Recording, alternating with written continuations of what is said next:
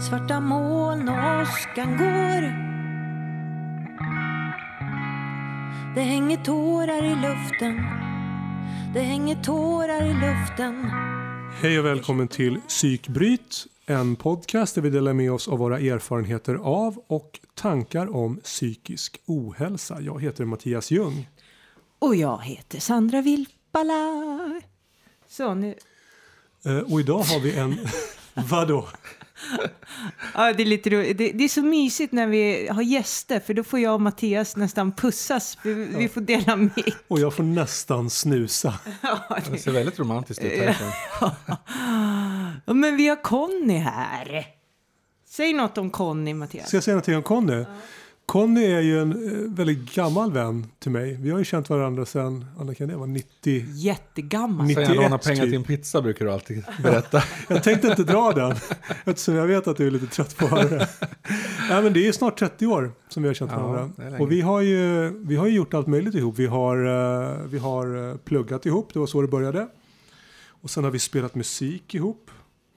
Eh, Och sen så har vi ju jobbat ihop också. Ja, det också. Och jobbar även lite nu. Så att vi har ju ett, eh, En pågående relation. en pågående relation i olika faser. Eh, Ja, så att det är en, eh, en eh, långvarig och nära och kär vän. Ja, sen startade vi faktiskt skivbolag ihop för hundra år enkelt. sedan. Det stämmer bra det också. Granat Records. Shit, det var länge sedan. Eh, ja, nu kom det ett barn här, men hon verkar vända. Jag visste inte ens att du var gravid. Men Jag såg att ni pustade så gick jag. Ja, ja, ja, så här. Ja, Eller blev jag varm nu tar jag mig tröjan. Det blev varmt. Och, eh, eh, ja, nu ska vi samla ihop oss. Vi, ja, nu ska vi se till att barnet... Så, nu är barnet i tryggt förvar. Nej, men... Eh, ja, dagens gäst, Conny Velén. Eller Ja. hur? Fortfarande Velén? Ja, Ja. Nej, men det vi ska prata... Vi, även, även känns som Conny Velkun. ja just det. Nej, jag vet inte. Nej, men det vi ska snacka om idag, det är ju, du och jag har ju eh, en gemensam erfarenhet av att eh, växa upp i ett eh, icke-fungerande, Ja, precis. Hem. Dys, dysfunktionellt hem. ja precis, av olika anledningar. Men eh, Jag tror att det yttrar sig på ganska likartat ja. sätt faktiskt. där föräldrarna är liksom inte där. Ja, liksom, de är där men inte där. Ja. Ja. I mitt fall så var det både och. Rent fysiskt Ja, var de ofta inte där. Men Ja, det var ju mina föräldrar. De var ju Ja. alltid hemma. De var ju gifta hela sitt liv tills pappa dog och sådär. Så att, eh, det har ju alltid varit liksom en, eh, en samlad trupp. ja, Förutom brorsan då som eh, har bott på hem och sådär. Men Vill du bara börja berätta om när, när förstod du att någonting inte stämde på något vis? Hur, Ja, hur gammal var du då? Minns alltså när du? man var liten så förstod man ju inte riktigt det där. För mamma var ju mamma och pappa var pappa och brorsan var brorsan. Men jag tror att jag var ganska liten. Alltså när jag typ började skolan, 6-7 år kanske, då började jag förstå att saker och ting var konstigt hemma hos oss. På vilket sätt? Eh, ja, det var ju när man lekte med kompisar så, jaha, här fick man mat som smakade gott. här fanns det Du- en mamma som kunde baka. kompisar, ja. Ja, Mm. eller det kunde vara vad som helst. Eh, Alltså en, eh, någon som man kunde prata med eller någon som, ja. Om det är basic. Ja, de här ba- basic-sakerna, precis. som man, folk eh, som har fungerande familj tar för givet. och Absolut. så. Mm. Ja, ja, gud ja. Eh, Och det upptäckte man ju. Ja, men alltså, man började upptäcka att man själv hade konstiga kläder eller för små kläder eller trasiga kläder. Eller eh, att kompisarna hade leksaker. Sånt Det låter som mina barn. Nej, jag lovar dig Mattias att nej. Nej, men alltså så. det var, man märkte att jaha, här har folk hela tapeter. Det hade ju inte vi hemma hos oss. För min brorsa rev ju sönder tapeterna och sådär. Ehm, så det var... Din bror är autist. Ja, han har autism, ja, precis. Mm. Eh, Autism och en hjärnskada. Mm. Så han bodde ju hemma. Då när jag var liten bodde han hemma varannan helg, om jag minns det rätt. Eh, ibland, och sen på ledigheterna när det var lov och sådär. Och det blev ju ganska ansträngande för mig, för jag fick ju då ta hand om honom eftersom Mm. mina föräldrar inte klarade av det. Så från att jag var liten så var jag ju hans storebrorsa och eh, stand-in förälder. Ja. Ja. precis. Ja, men det där känner jag. Jag hade ju två småbröder som var 10 och 12 år yngre än Ja, mig. okej. Mm. Så Ja, då de, blev du ju eh, extra mamma. Ja, men precis. Och, ja, det är ett jävla ansvar. Ja, det är ju det. Man tänker inte på det när man är i det. Eller Nej. jag gjorde inte det så mycket då. Eh, förutom att ibland fick man ju fnatt och bara drog liksom. För man inte orkar. Men, Ja, och så eh, fick man så dåligt samvete för ja det. sen. precis. Mm. Det dåliga Att samvetet. jag svek liksom. Skammen och det dåliga samvetet har ju följt mig hela mitt liv. Liksom. Ja, Eh, vet. och gör det fortfarande. Senast igår. Ja, jag vet. När jag pratade med min, eller min, med min mammas gode man. För jag har faktiskt lämnat ifrån mig det eh, Mm. till en god man. För att slippa den biten. Mm. För jag var god man åt min brorsa och åt mina föräldrar. Eh, eller alltså inte officiellt åt mina föräldrar. Men jag skötte deras ekonomi tills för tre år sedan. Jag tror att det är mycket klokt att släppa Ja. de bitarna så att du får... Problemet blir ju du. då att då struntar man ju, eller jag i alla fall, eh, jag hör inte av mig då. Då kommer jag Nej. inte på besök och sådär heller. Så att det blir lite dumt. Men, samtidigt- behöver du inte den distansen för ett tag? Jo, Liksom, det kanske? behöver jag ju. Särskilt när jag har egen familj nu så blir det ju Mm. att man ägnar sig åt den istället. Och sina egna barn. Åh, gud, jag bara går helt in i det här. Jag, ja, det är så jävla spännande att höra andra människors historier. Eh, liknande ens egen liksom. Ja, precis. Men- Men, men det var det jag tänkte. Jag, jag har ju lyssnat på alla era avsnitt. och inte bara för att jag känner er, för att jag tycker att ämnet är väldigt intressant. Det är ju så, och sen har jag jobbat som lärare i så många år. Så att jag vet ju hur mycket barn det är som har det på det sättet. Ja, och det det... är så otroligt vanligt. Ja, jag får panik när jag tänker på det. Ja, det har jag fått många gånger som Ja. lärare kan jag säga. När man Ja. har stött på barn som är i, under sådana förhållanden så får man panik. Ja, Eh, för man vet vad det är som händer. ja. Eh, eller tror sig veta i alla fall. Ja, men man har ju ett hyfsat hum om Ja, eh, precis. liksom, ja, utsattheten liksom. Precis. Men åh, berätta, vad, vad är grejen med dina föräldrar då? Ja, jag kan inte säga hundra säkert eh, egentligen. För att det finns ju ingen diagnos. Som jag sa tidigare till er. Utan eh, för min, mina föräldrars generation. De har ju inte fått liksom, vård eller hjälp egentligen. Det fanns ju liksom inte på den tiden. Jag tror att min farsa hade Asperger. Han är död. Sen ganska många år tillbaka. Men jag vet inte riktigt. För han fick psykoser ibland också. Och eh, ja, hamnade på psyke. Eh, mamma tror jag, hon har nog ingen psykisk sjukdom. Hon är nog bara, eh, eller bara, men hon är lite lätt förståndshandikappad skulle jag nog säga. Så att hon Okej. är inte riktigt eh, kapabel att ta hand om barn egentligen. Nej. Eller sig själv heller nu för tiden i alla fall. Nej.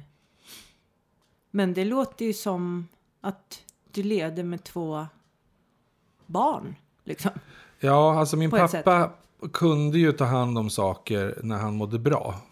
Eh, in, inte liksom jättebra, men det funkade. När, när han var frisk så funkade det. För att han, han kunde liksom betala räkningar. Han hade ju ett jobb och sådär. Men, men eh, han mådde ju dåligt i perioder och sådär. Och då brakade ju allting liksom. Mm.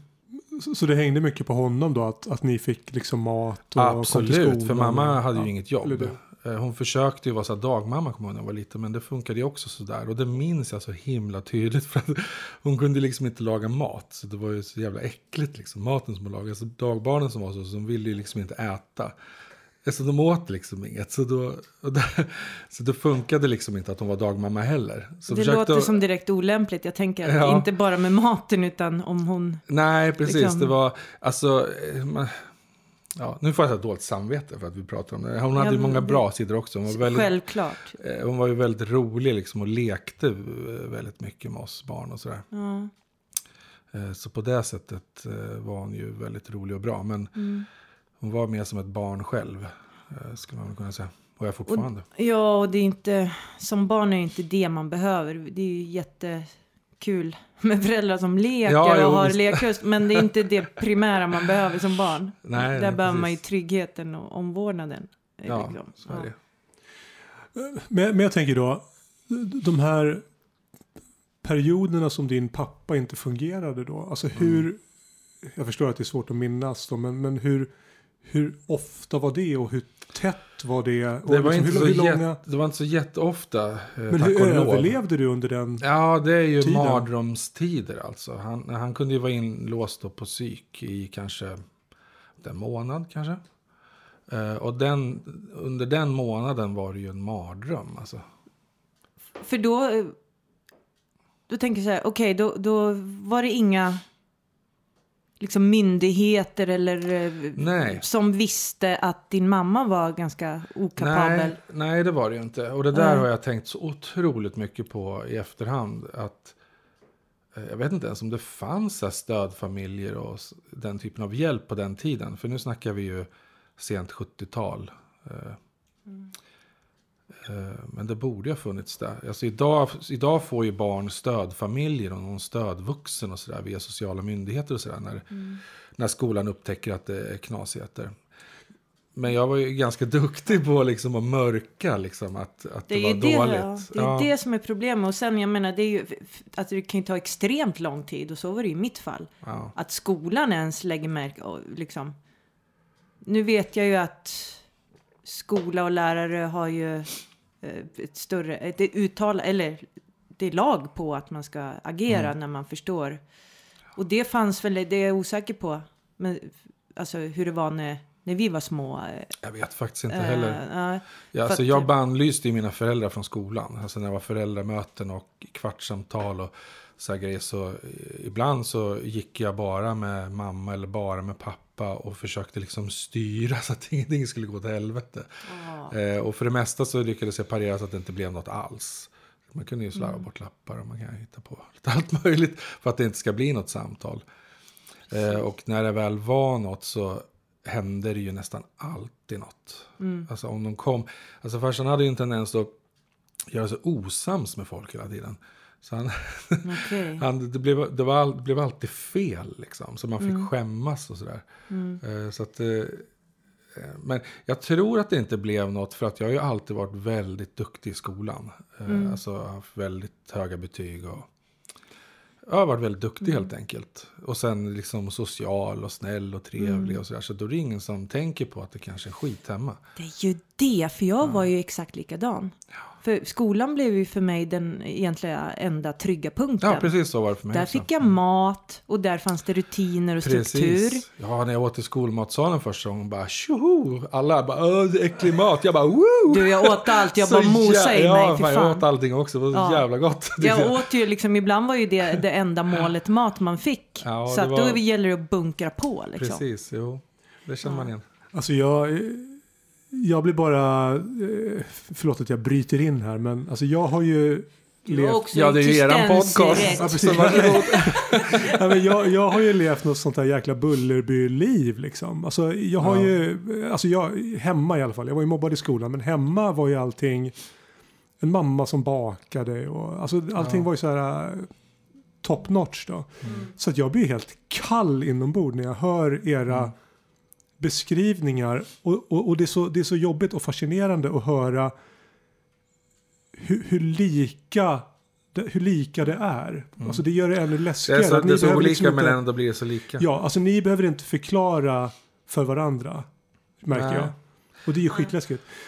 Och det är det jag tänkte på när jag lyssnade på en podcast när jag hört dig berätta. För då har jag bara känt så ja precis. Ja. Så vill man nästan flika in i samtalet. Och det är ju mycket för att jag känner er. Alltså du känner igen era röster. Och sitter man i bilen och lyssnar och så börjar man nästan prata. Just det, jag Ja, lyssnar det på en podcast. fint. Det där är fint. Det har, det har vi hört andra som så här, tror att ja, det är ju så här, ligger och pratar här lite. Ja. Nej, men det, det, det, det är det jag tycker är skrämmande, att det är samma mönster och att barn reagerar på exakt samma sätt i de här utsatta situationerna. Ska skydda sina föräldrar, ljuga och mörka Ja. och inte visa att jag har det dåligt. Men jag tänker så här, det är det som jag, jag ett av de största sveken som jag liksom lever med än idag och som jag alltid kommer leva med. Det är liksom vuxenvärlden som jag vet, liksom, både du och jag, vi växte ju upp i små städer. Mm.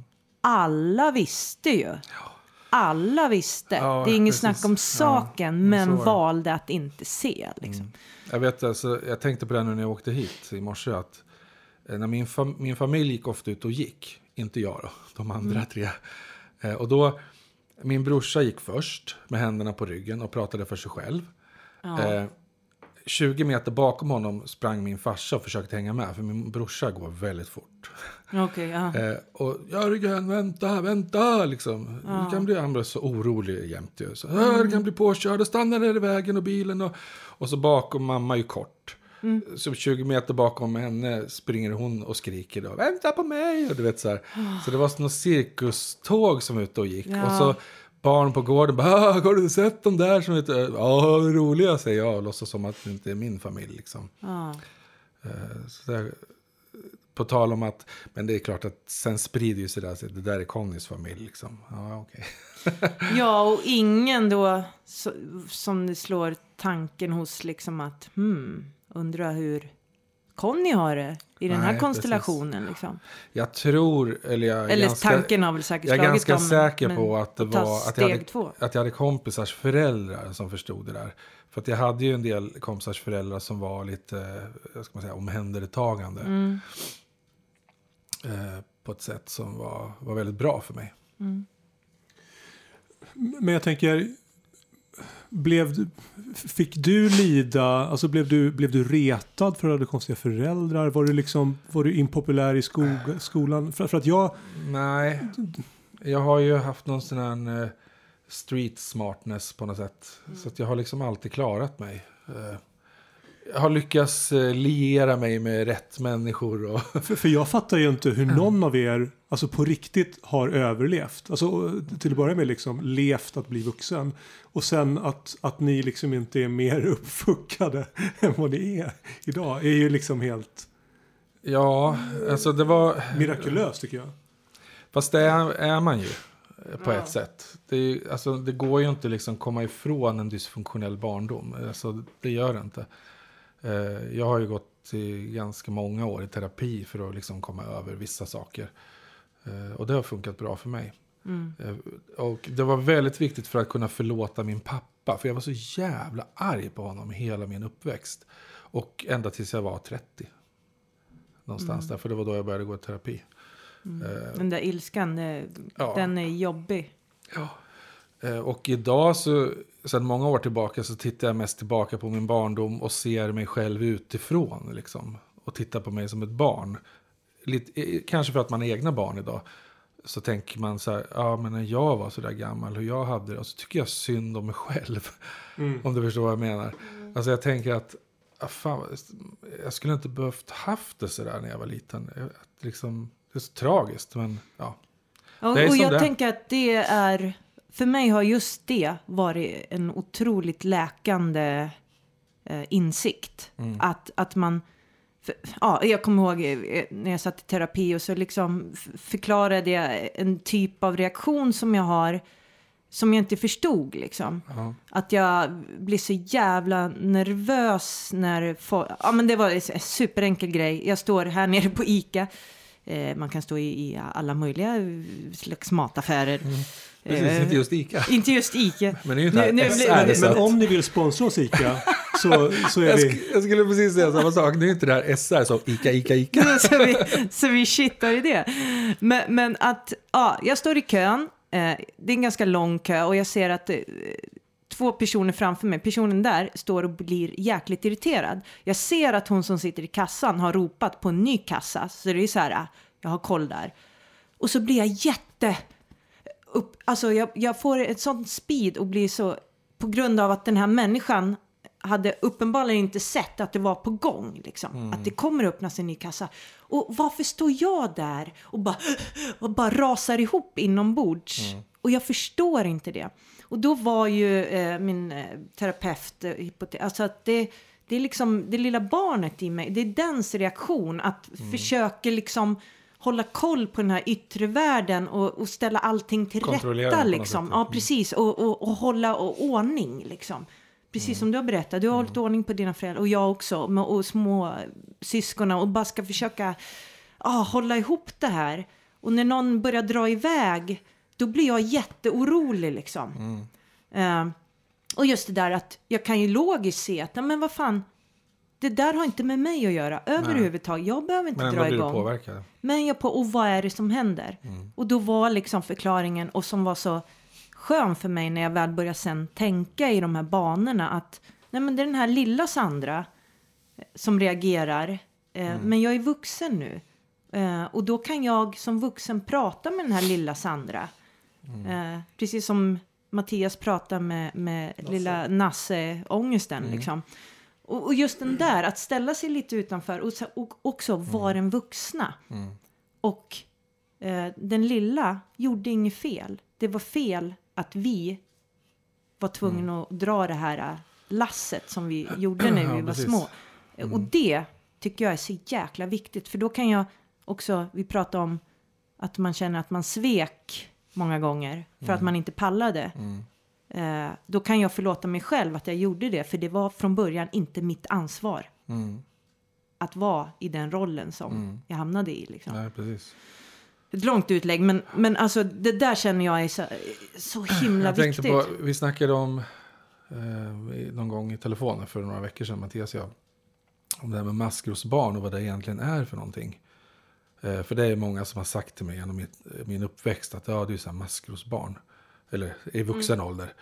Eh, och då har jag tänkt så här, vadå maskrosbarn? Liksom.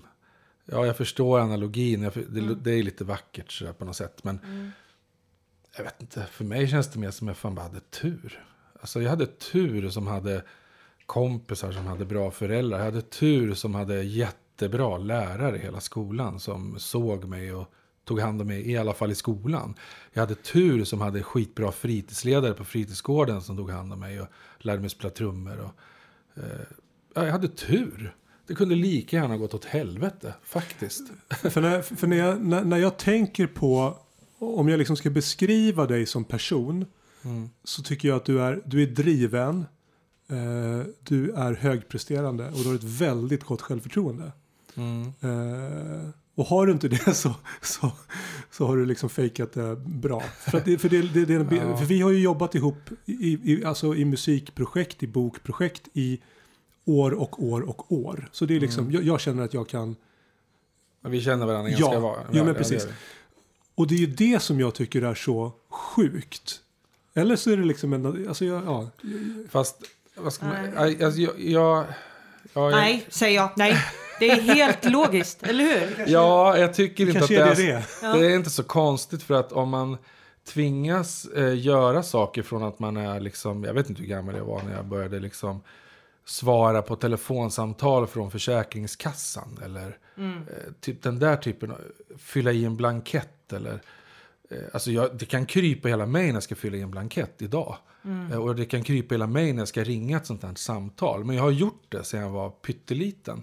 Och det är klart att när man tvingas vara vuxen från man är väldigt liten så är det klart att det skapar självförtroende. För då blir man inte osäker inför situationer som är främmande. Eller, för man vet att ja, jag måste fixa det, eller det är ingen annan som gör det åt mig. Det finns ingen backup. Det är liksom mitt, eh, vad ska man säga, det sitter i ryggmärgen på mig. Om inte jag fixar det själv, då fixar ingen annan det. Inte ens nu när jag har folk, min fru till exempel, som kan göra saker åt mig, så tillåter jag inte riktigt det. Det, det är svårt för mig, för att jag är van att jag måste göra det själv. Här, här får jag svaret på någonting som jag inte, det är inte så att jag har funderat på det i flera år, men alltså, vi, vi har ju varit involverade i en massa, i en massa olika projekt, bokprojekt, musikprojekt tillsammans. Och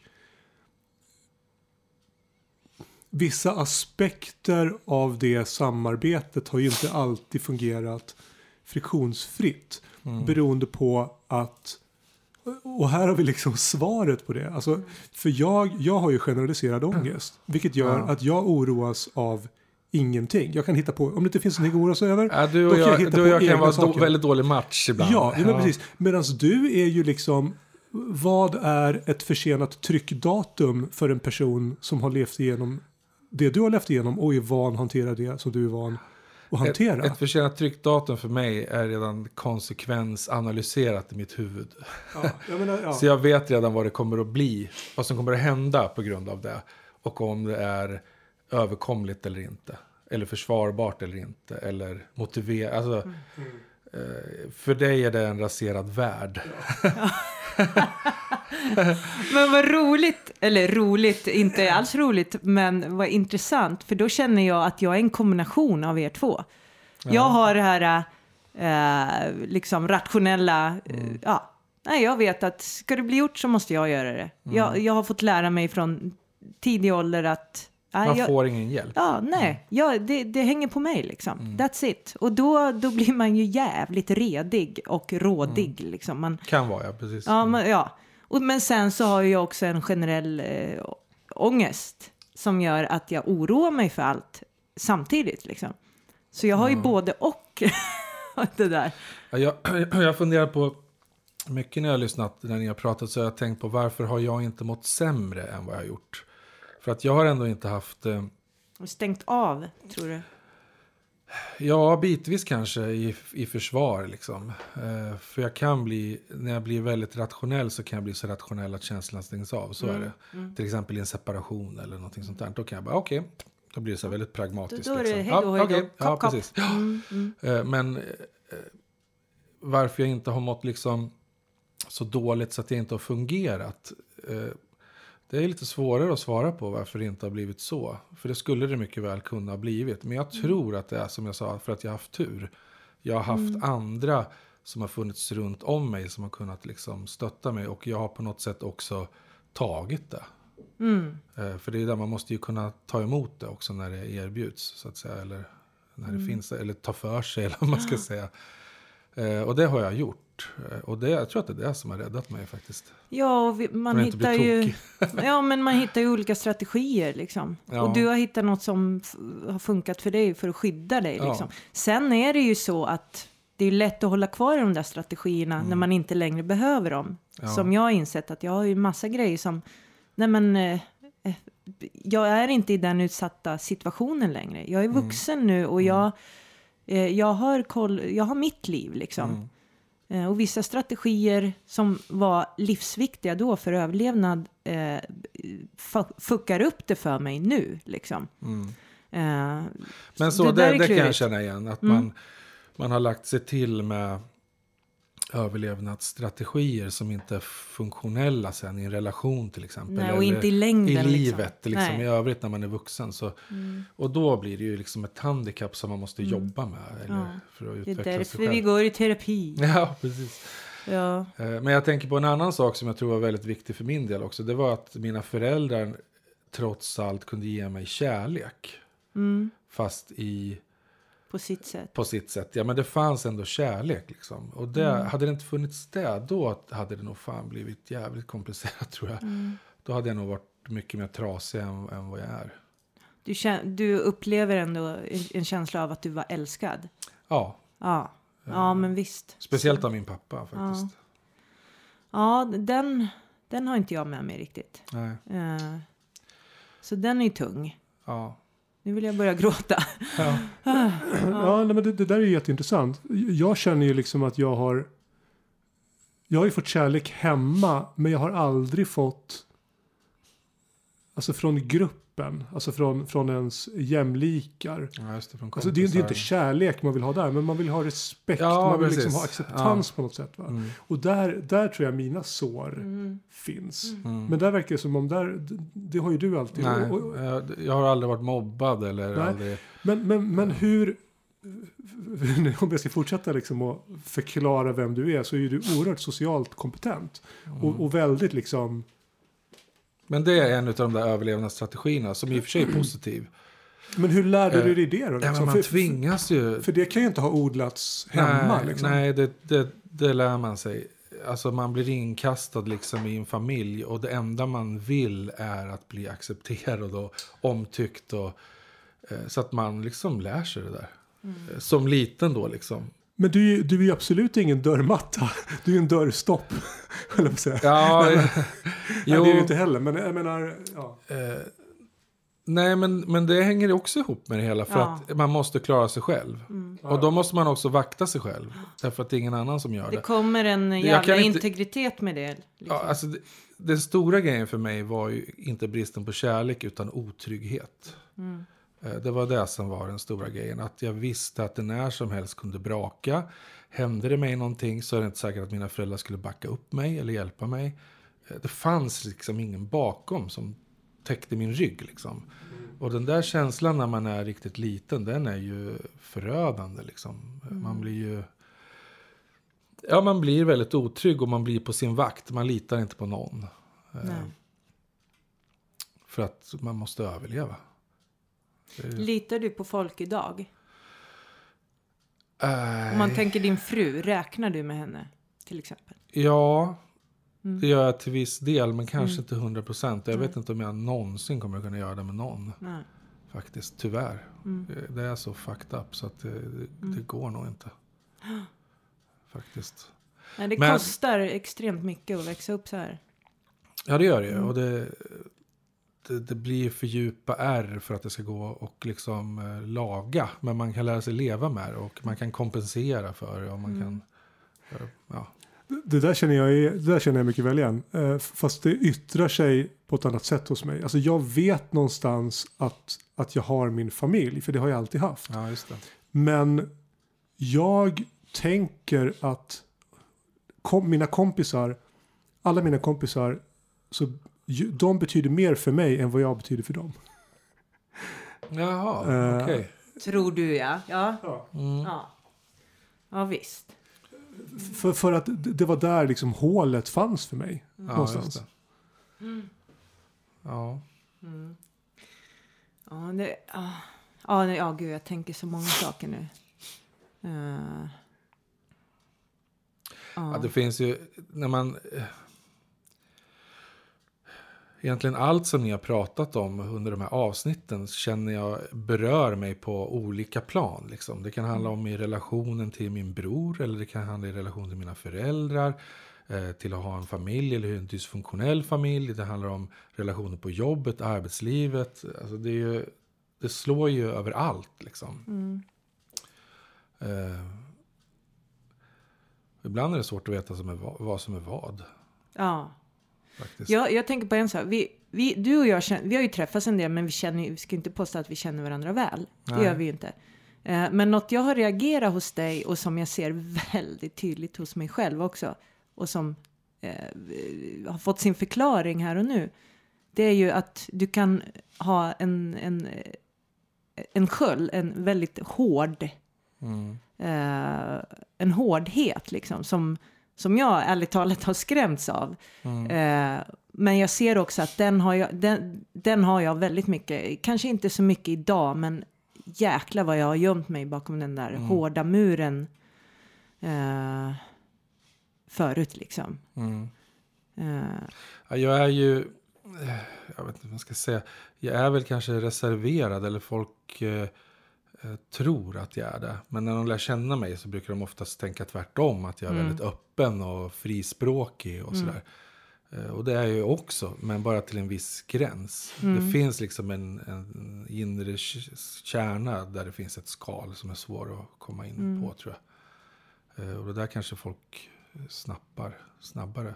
Vissa ser det snabbare kanske än andra, jag vet inte. Jag har ju lättare för att hamna i den här pajasrollen liksom. Det var ju den jag tog ganska tidigt. Men det har jag gjort också. Ja, ja. Jag har alltid varit Jag pajas. kan intyga detta. All right. Eh, Ja, men jag var Ja. den där som höll låda. på- Klassiskt, eller hur? Ja, jag var klassens clown i hela låg och mellanstadiet. Eh, Jag var den där som Se uppträdde, mig. Ja, uppträdde på roliga timmen varje fredag. Yes, Det bara var jag. hijacka hela Ja, ja, roliga visst. timmen, det gjorde jag också. Precis. Eh, Och det var ju liksom, ja, det var ju ett sätt. och- det var väl därför man började med musik också, för att bli sedd. Liksom. Fast det är inte hela sanningen, det är en del av sanningen. Men, eh, Ja, Ja, jag tänker musiken fyllde ju en väldigt viktig funktion och det var ju liksom eh, flykt. ja, Eh, Precis. att bli, terapeutisk flykt. ja, och bara bli helt... Eh, uh, eh, ja, det var ju en helt egen värld. Ja, någon form av eufori som man kunde Ja. uppleva där som man fick en att må bra.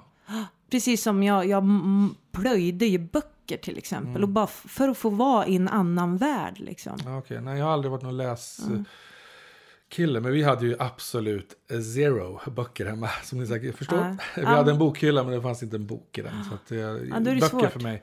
Och jag upptäckte musik väldigt sent. Eh, Jag var ju närmare, jag var inte tio men jag var inte långt ifrån. Alltså det är lite diffust där. Hur gammal jag var. Men jag fick en bandspelare av min farbror med, med dansbandsmusik på kassett. Yeah. Så att eh, och vi, jag lyssnade i och för sig på radio innan, på Svensktoppen, så det är jag ju uppvuxen med. Liksom. Mm. Eh, sen blev det så ABBA, Beatles och Elvis Presley och sånt där som, Mm. eh, ja, som jag fick till mig. Tills Mm. jag upptäckte Kiss. Yeah. Precis som Mattias som var Kiss-fan. Eller är fortfarande kanske, jag vet inte. Men Ja. jag tänker också på kreativiteten som jag tänker eh, blir ett väldigt bra ställe att stoppa in alla sina känslor och, och bearbeta dem. Eh, Vi är ju alla tre liksom eh, låtskrivare. Mm. Och för mig har ju det fyllt en extremt viktig eh, Ja. liksom, eh, Alltså det? musiken är ju så mångfacetterad på det sättet när man håller på med musik. För att eh, det första man gör är ju uppleva musiken och det gjorde jag då när jag var liten. Eh, och det, mitt starkaste minne där är att jag och min brorsa vi sitter framför kassettbandspelaren och tittar på den när den snurrar. Och så sitter vi och sjunger liksom. I timtal sitter vi och sjunger. Eh, och det var ju liksom det enda sättet nästan som jag kunde umgås med honom på riktigt. För att han Okej. hade ju autism så han gick ju liksom inte att prata med honom normalt eller leka med honom normalt liksom. Så det där var ju vårt sätt att umgås. Och det, det är något som jag minns väldigt starkt. Att när jag var ledsen och mådde dåligt så gick jag satt med och tryckte ner på handspelaren och satt och lyssnade på musik och sjöng. Liksom. Mm. Eh, Så det började ju där någonstans. Och sen när man börjar spela musik så är det otroligt eh, terapeutiskt på så många sätt. Ja, ja. För du kan få kickar av att skriva musik precis som du kan få kickar av att lyssna på musik. Ju. Mm. Eh, Och när börjar du spela in och producera så tar du den låten du har skrivit till ytterligare en nivå som ger ytterligare en kick. Och så kan du hålla på så där och få kickar av musiken eh, hela vägen. Och sen stå på live. scenen och Ja. få, få den där bekräftan och uppmärksamheten som, som man suktar efter. Alternativt ingen uppmärksamhet. Vilket också kan hända. Just det, man spelar för noll personer. ja, då, då, då är det svårt. Ja, det har vi nog alla gjort, spelat för noll personer. Ja, det har ju hänt. Vi har ju gått från ställen för att det var inga människor där. Vad, Nej, precis. Det var fler på scenen än framför. Det är så här, ja, ja, riktigt sunkigt. Men jag tänker på, nu, du blev liksom, jag vet inte om du berättade det i podden eller om du berättade det innan, att du blev liksom, vad heter det? Ansvarig för din bror, alltså tog han, vad heter det, gode man? Ja, precis. Jag var god man för min brorsa eh, många år. Och det var jag, eller blev jag, efter att jag hälsade på honom en gång när han bodde på ett gruppboende. Och det var total katastrof där. Han hade slagit handen genom en glasruta så han hade skurit sig illa. Och han hade sparkat sönder en massa möbler och slitit ner saker från väggarna och gått bärsärk liksom. Mm. Och det gjorde ju han för att han mådde dåligt. Och jag förstod att det var därför. Mm. Eh, och då var jag tvungen att ta tag i det helt enkelt. Jag, hade, jag flyttade ju när jag var 18-19 till Stockholm. Och sen eh, kan man väl säga att jag bara hade sporadisk kontakt med min familj i tio år. Av min brorsa nästan ingenting. Eh, men där och då så tog jag upp det igen för att eh, ja, jag fick dåligt samvete. Ja, Ehm, Så att jag fixade ett eget boende till honom och ehm, ehm, han var nog den enda i Sörmland som bodde i ett eget hus tror jag. Han kostade Mm. fruktansvärt mycket pengar då men det var bra för honom under en Mm. period faktiskt Mm. för att det funkar inte alls i gruppboendet. Nej det är inte för alla såklart och eh, just autism är väl, Nej, han Verkligen. behöver ju enskildhet och Ja. kunna dra sig undan och det är ju svårt i ett gruppboende. Ja. Och, då, eh, och har man då liksom eh, folk som jobbar som inte kan liksom autism och inte förstår sig på det så eh, då kan det ju bli hur fel som helst. Och det Mm. blev det också. mm. Eh, så att, eh, ja, han, eh, han fick ett nytt boende och där tog jag över och blev god man för honom. Mm. Men sen var ju den en mardröm i sig för att jag har ju tusen projekt att hålla på med och sen, eh, som jag alltid gör. och då blev det att man skulle lämna in räkenskaper, då skulle det stämma på öret och så fick man en handkassa från boendet som alltid var fel i. Och, så det var ju en mardröm att hålla på och reda i de där räkenskaperna som aldrig gick att få ihop. Liksom, för att det var så bristfällig redovisning och så vidare. Det blev mycket jobb. Ja, det blev det ju. Och jag var alltid sen med att lämna in dem där. Och till sist fick jag över för mina nämnden fick ju krupp på mig. Liksom. Ja. Så att till sist så avvecklade de mig. Ja, Och det var så jävla skönt. Äh, för att, eh, att slippa det där, om jag ska vara ärlig. Så nu har han en jättebra god man och som även är god man för min mamma. ja, Nu, så jag slipper det också. Ja, för det tog det hand om också ett tag. Ja, deras ekonomi skötte jag eh, alltid. Alltså betalade deras räkningar och så här. För det, Sen du var liten, typ? Eller vadå? nej, s- eh, från jag var kanske mm, 25. Ja, okej. Ja. Så, eh, ja. ja, en stor. Och det var när jag märkte att farsan inte fixade det längre. Nej. Det vet, det gick ju från, han gick ju till posten och betalade räkningarna så länge det gick. Även när det kostade 60 spänn per räkning så Ja. gick han och betalade räkningarna på posten. Eh, och eh, där någonstans eh, så tog jag över, eh, och så att man, när man började fylla i de här kuverten man stoppade alla räkningarna i, för det fixade inte han. Nej. så då började jag sköta deras ekonomi. Mm. Och då var jag 25 kanske. Ja, slit. Slit och släp. Ja, ska vi runda av? Hur rundar vi av detta, Conny? Ja, jag vet inte. Nej, men alltså, jag- tycker att det har varit helt fascinerande. För att även om vi har känt varandra i, i snart 30 år. Och jag... Mm. Jag vet ju i stora drag din bakgrund och liksom de problemen. så- Alltså situationen som du har levt i. Så är det ju ändå chockerande att här detaljerna. För att så här detaljerat har vi liksom inte riktigt pratat förut. Nej, Så och det det är ju- väl... eh, Alltså det finns ju hur mycket saker som helst såklart man skulle kunna berätta om, eh, om eh, liksom det här. Men eh, jag vet inte, för, jag har ju liksom ägnat hela mitt liv åt att vara medberoende. Eh, alltså man mörkar liksom hur, hur, hur förhållanden egentligen ser ut. Och det gör man för alla. Alltså även närmsta kompisarna som man umgås med mörker man också med. Vissa saker går ju inte att mörka såklart när de är hemma hos en. Så märker de ju saker. Men det är ju ingen som har förstått liksom hur, hur det är egentligen.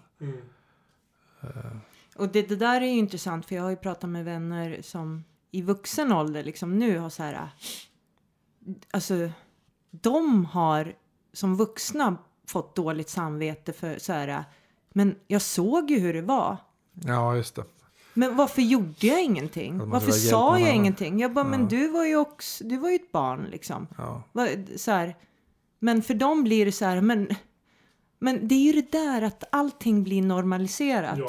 Men jag har ju haft Även massor för- med kompisar som har haft alkoholiserade föräldrar och sånt där. Alltså, Jag vux, växte ju upp i ett område där det var mycket social liksom, misär. Ja. Så att det var i var, i var och varannan familj fanns det ju olika typer av problem. Mm. Att då förvänta sig att någon annan ska liksom steppa upp och hjälpa en, det, det funkar ju inte så. Nej, och återigen, det är ju vuxnas ansvar. Det är inte barnen som Nej. ska styra upp Precis, det där. Liksom. Precis. Och, och det där har jag sagt så många gånger.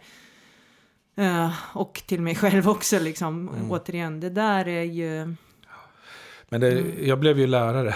Och det var ju, det var, jag, jag minns att det var det enda yrket jag kunde tänka mig. Och jag hade verkligen möjlighet att, att, att plugga vad som helst. För jag hade Ja. så bra betyg. Liksom. Ja. Men det var det enda yrket som jag efter ett års fundering i lumpen kom på att ja, men det skulle jag kunna tänka mig att bli.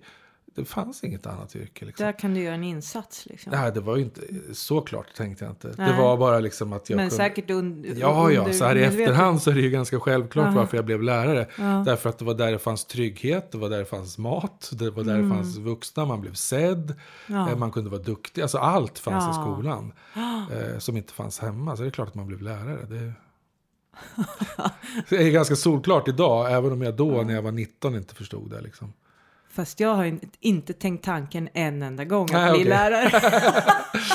Det kanske inte hade lika bra skolgång som jag hade. Nej, alltså jag hade, ja, nej, min upplevelse var ju inte att lärarna steppade upp och tog sin grej. De var säkert, många var bra liksom, på att vara lärare, men att Mm. just det där med, som jag, jag, jag stoppade in dem i vuxenvärlden och de som inte såg liksom. Så att Mm.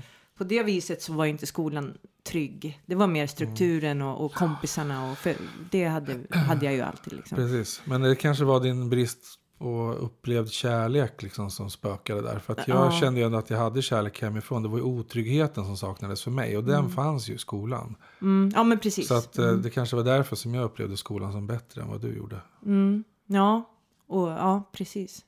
Ja, Tänker jag. Ja det, den var trygg men inte helt trygg som den nu kanske var för dig.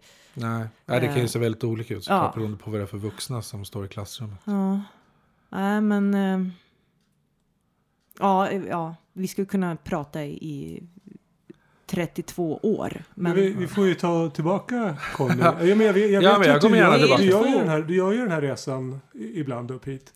Ja, precis. Eller är det ner? Vad är det? Nej, jag ska till Aspudden nu och Ja. spela in hårdrock. Ja, så att jag menar, Hårdjojk. Säg till när du ska nästa gång. Så Ja. kanske vi kan styra upp någonting. Absolut. ja, det kommer säkert dyka upp massa frågor, tänker jag, efter det här. Precis. Som- nu hade vi alltså inget tråd- specifikt ämne, men Nej. det kan man ju tänka sig. Men det trådar så man många- skulle vilja spinna Mm. vidare på som eh, är intressanta rent personligt. Ja, precis. och för många andra skulle jag Ja, gud, ja. kvalificerat kunna gissa på. Ja, bara det här med julen som ni snackade om i Ja, något ämne. helvetet. Fy Ja, fan men det- vad mycket det finns att säga om Ja, julen. ja, ja. Ja, men det ja. kanske man ska göra inför nästa jul. ja, ja, vi, vi När folk suger sitter där med ångest och Ja. ja. Nej, men det är ju liksom, ja, nej det är... bara det är ett eget kapitel. Eller Ja. högtider eller man ska Ja, säga. men alla de där, det är ju Mardröm. mardröm. Ja, men total misär, vilket jävla skämt liksom. Ja, så är det ju. Ja. Ja, men vi säger väl det för, För nu. idag. För nu. Mm. Tusen tack Conny för, Ja. att, för att du Tack kom själva hit för att ni gör den här podden. Jag tycker det är fantastiskt. Det behövs. Tack. Vi behövs, Mattias. Ja, det Vi behövs. Ja, Äntligen har vi hittat. äntligen Roll. fick vi den bekräftan Ja. som vi har sökt med ljus Precis. och lykta. Ja. Men eh, ja, ta hand om er där ute och eh, vi hörs. Och, Det ja, gör vi. Hej då. Hej då, puss, puss, puss, puss. Hej. Puss. Det hänger tårar i luften. Det hänger tårar i luften. Det hänger tårar i luften. Det hänger tårar i luften.